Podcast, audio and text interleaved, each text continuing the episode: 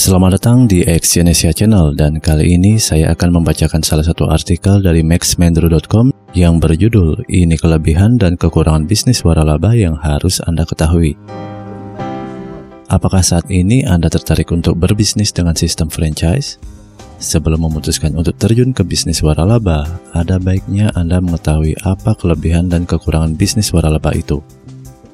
Banyak orang memulai bisnis dan memilih usaha waralaba ketimbang membangun bisnis sendiri dari nol tanpa mengetahui kelebihan dan kekurangannya. Memang hal itu hak masing-masing orang. Namun akan lebih baik bila kita mengetahui apa keuntungan dan kerugian menjalankan usaha waralaba. Dikutip dari situs companywarehouse.co.uk, berikut ini adalah beberapa kelebihan dan kekurangan bisnis waralaba yang harus Anda ketahui sebelum menjalankannya. 6 keuntungan bisnis waralaba. Semua jenis bisnis pasti punya kelebihan masing-masing. Begitu juga halnya dengan bisnis franchise. Berikut ini adalah kelebihan bisnis waralaba. Yang pertama adalah manajemen bisnis telah terbangun. Usaha waralaba yang punya reputasi bagus biasanya telah memiliki manajemen bisnis yang bisa memberikan keuntungan kepada para mitra mereka. Ide bisnis, nama brand, dan sistem manajemen bisnis waralaba tersebut sudah teruji dan tinggal diimplementasikan pada lokasi yang baru. Yang kedua, brand sudah dikenal masyarakat. Brand yang sudah dikenal masyarakat akan membuat proses pemasaran bisnis waralaba menjadi lebih mudah, apalagi bila produk yang dijual adalah produk yang dibutuhkan dan disukai oleh masyarakat. Hal ini tentu akan lebih mudah untuk memasarkan produk yang dijual ke masyarakat sehingga biaya dan tenaga yang dikeluarkan untuk membangun reputasi bisnis tidak sesulit ketika membangun bisnis dari awal. Yang ketiga adalah kemudahan dalam manajemen finansial. Kebanyakan investor lebih suka memberikan modal dan sebuah bisnis yang terbukti kokoh dari segi finansial dan jaringan pemasaran. Bergabung dengan usaha waralaba memberikan keuntungan karena sistem manajemen finansial telah ditetapkan oleh pewaralaba. Para mitra waralaba tidak perlu pusing lagi mengenai hal ini, seperti halnya terjadi pada bisnis yang baru dimulai. Yang keempat, kerjasama usaha telah terbangun. Mereka yang membeli franchise sebuah brand akan mendapatkan keuntungan lain, yaitu kerjasama bisnis yang telah terbangun dengan baik sebelumnya. Beberapa contoh keuntungannya adalah dalam hal pemasok bahan baku untuk produk yang dijual, agensi periklanan, dan pemasaran. Yang kelima, dukungan dan keamanan yang lebih kuat.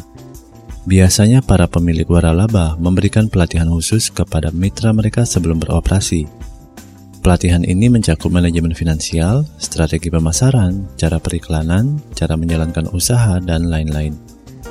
Pelatihan tersebut biasanya sudah termasuk dalam pembelian tiket waralaba, sehingga para mitra akan dimudahkan dalam menjalankan bisnis mereka sesuai standar yang baik. Yang keenam, apakah keuntungan bisnis waralaba lebih besar? Jika dibilang usaha waralaba menguntungkan, tentu saja menguntungkan. Namun jika kita beranggapan bahwa keuntungan dari bisnis waralaba ini akan lebih besar bila brand waralabanya terkenal, ini belum tentu. Dengan sistem waralaba, biasanya ada potongan fee, di mana keuntungan mitra sebagian kecil akan menjadi hak si pemilik waralaba. 5. Kekurangan bisnis waralaba semua jenis bisnis pasti ada kekurangan dan tantangan tersendiri. Demikian juga dengan usaha waralaba. Sebagian besar mitra waralaba tidak masalah dengan kekurangan ini. Namun tidak sedikit juga calon mitra yang memutuskan untuk mengundurkan diri. Berikut ini adalah beberapa kekurangan bisnis waralaba. Yang pertama, mitra waralaba kurang memiliki kendali.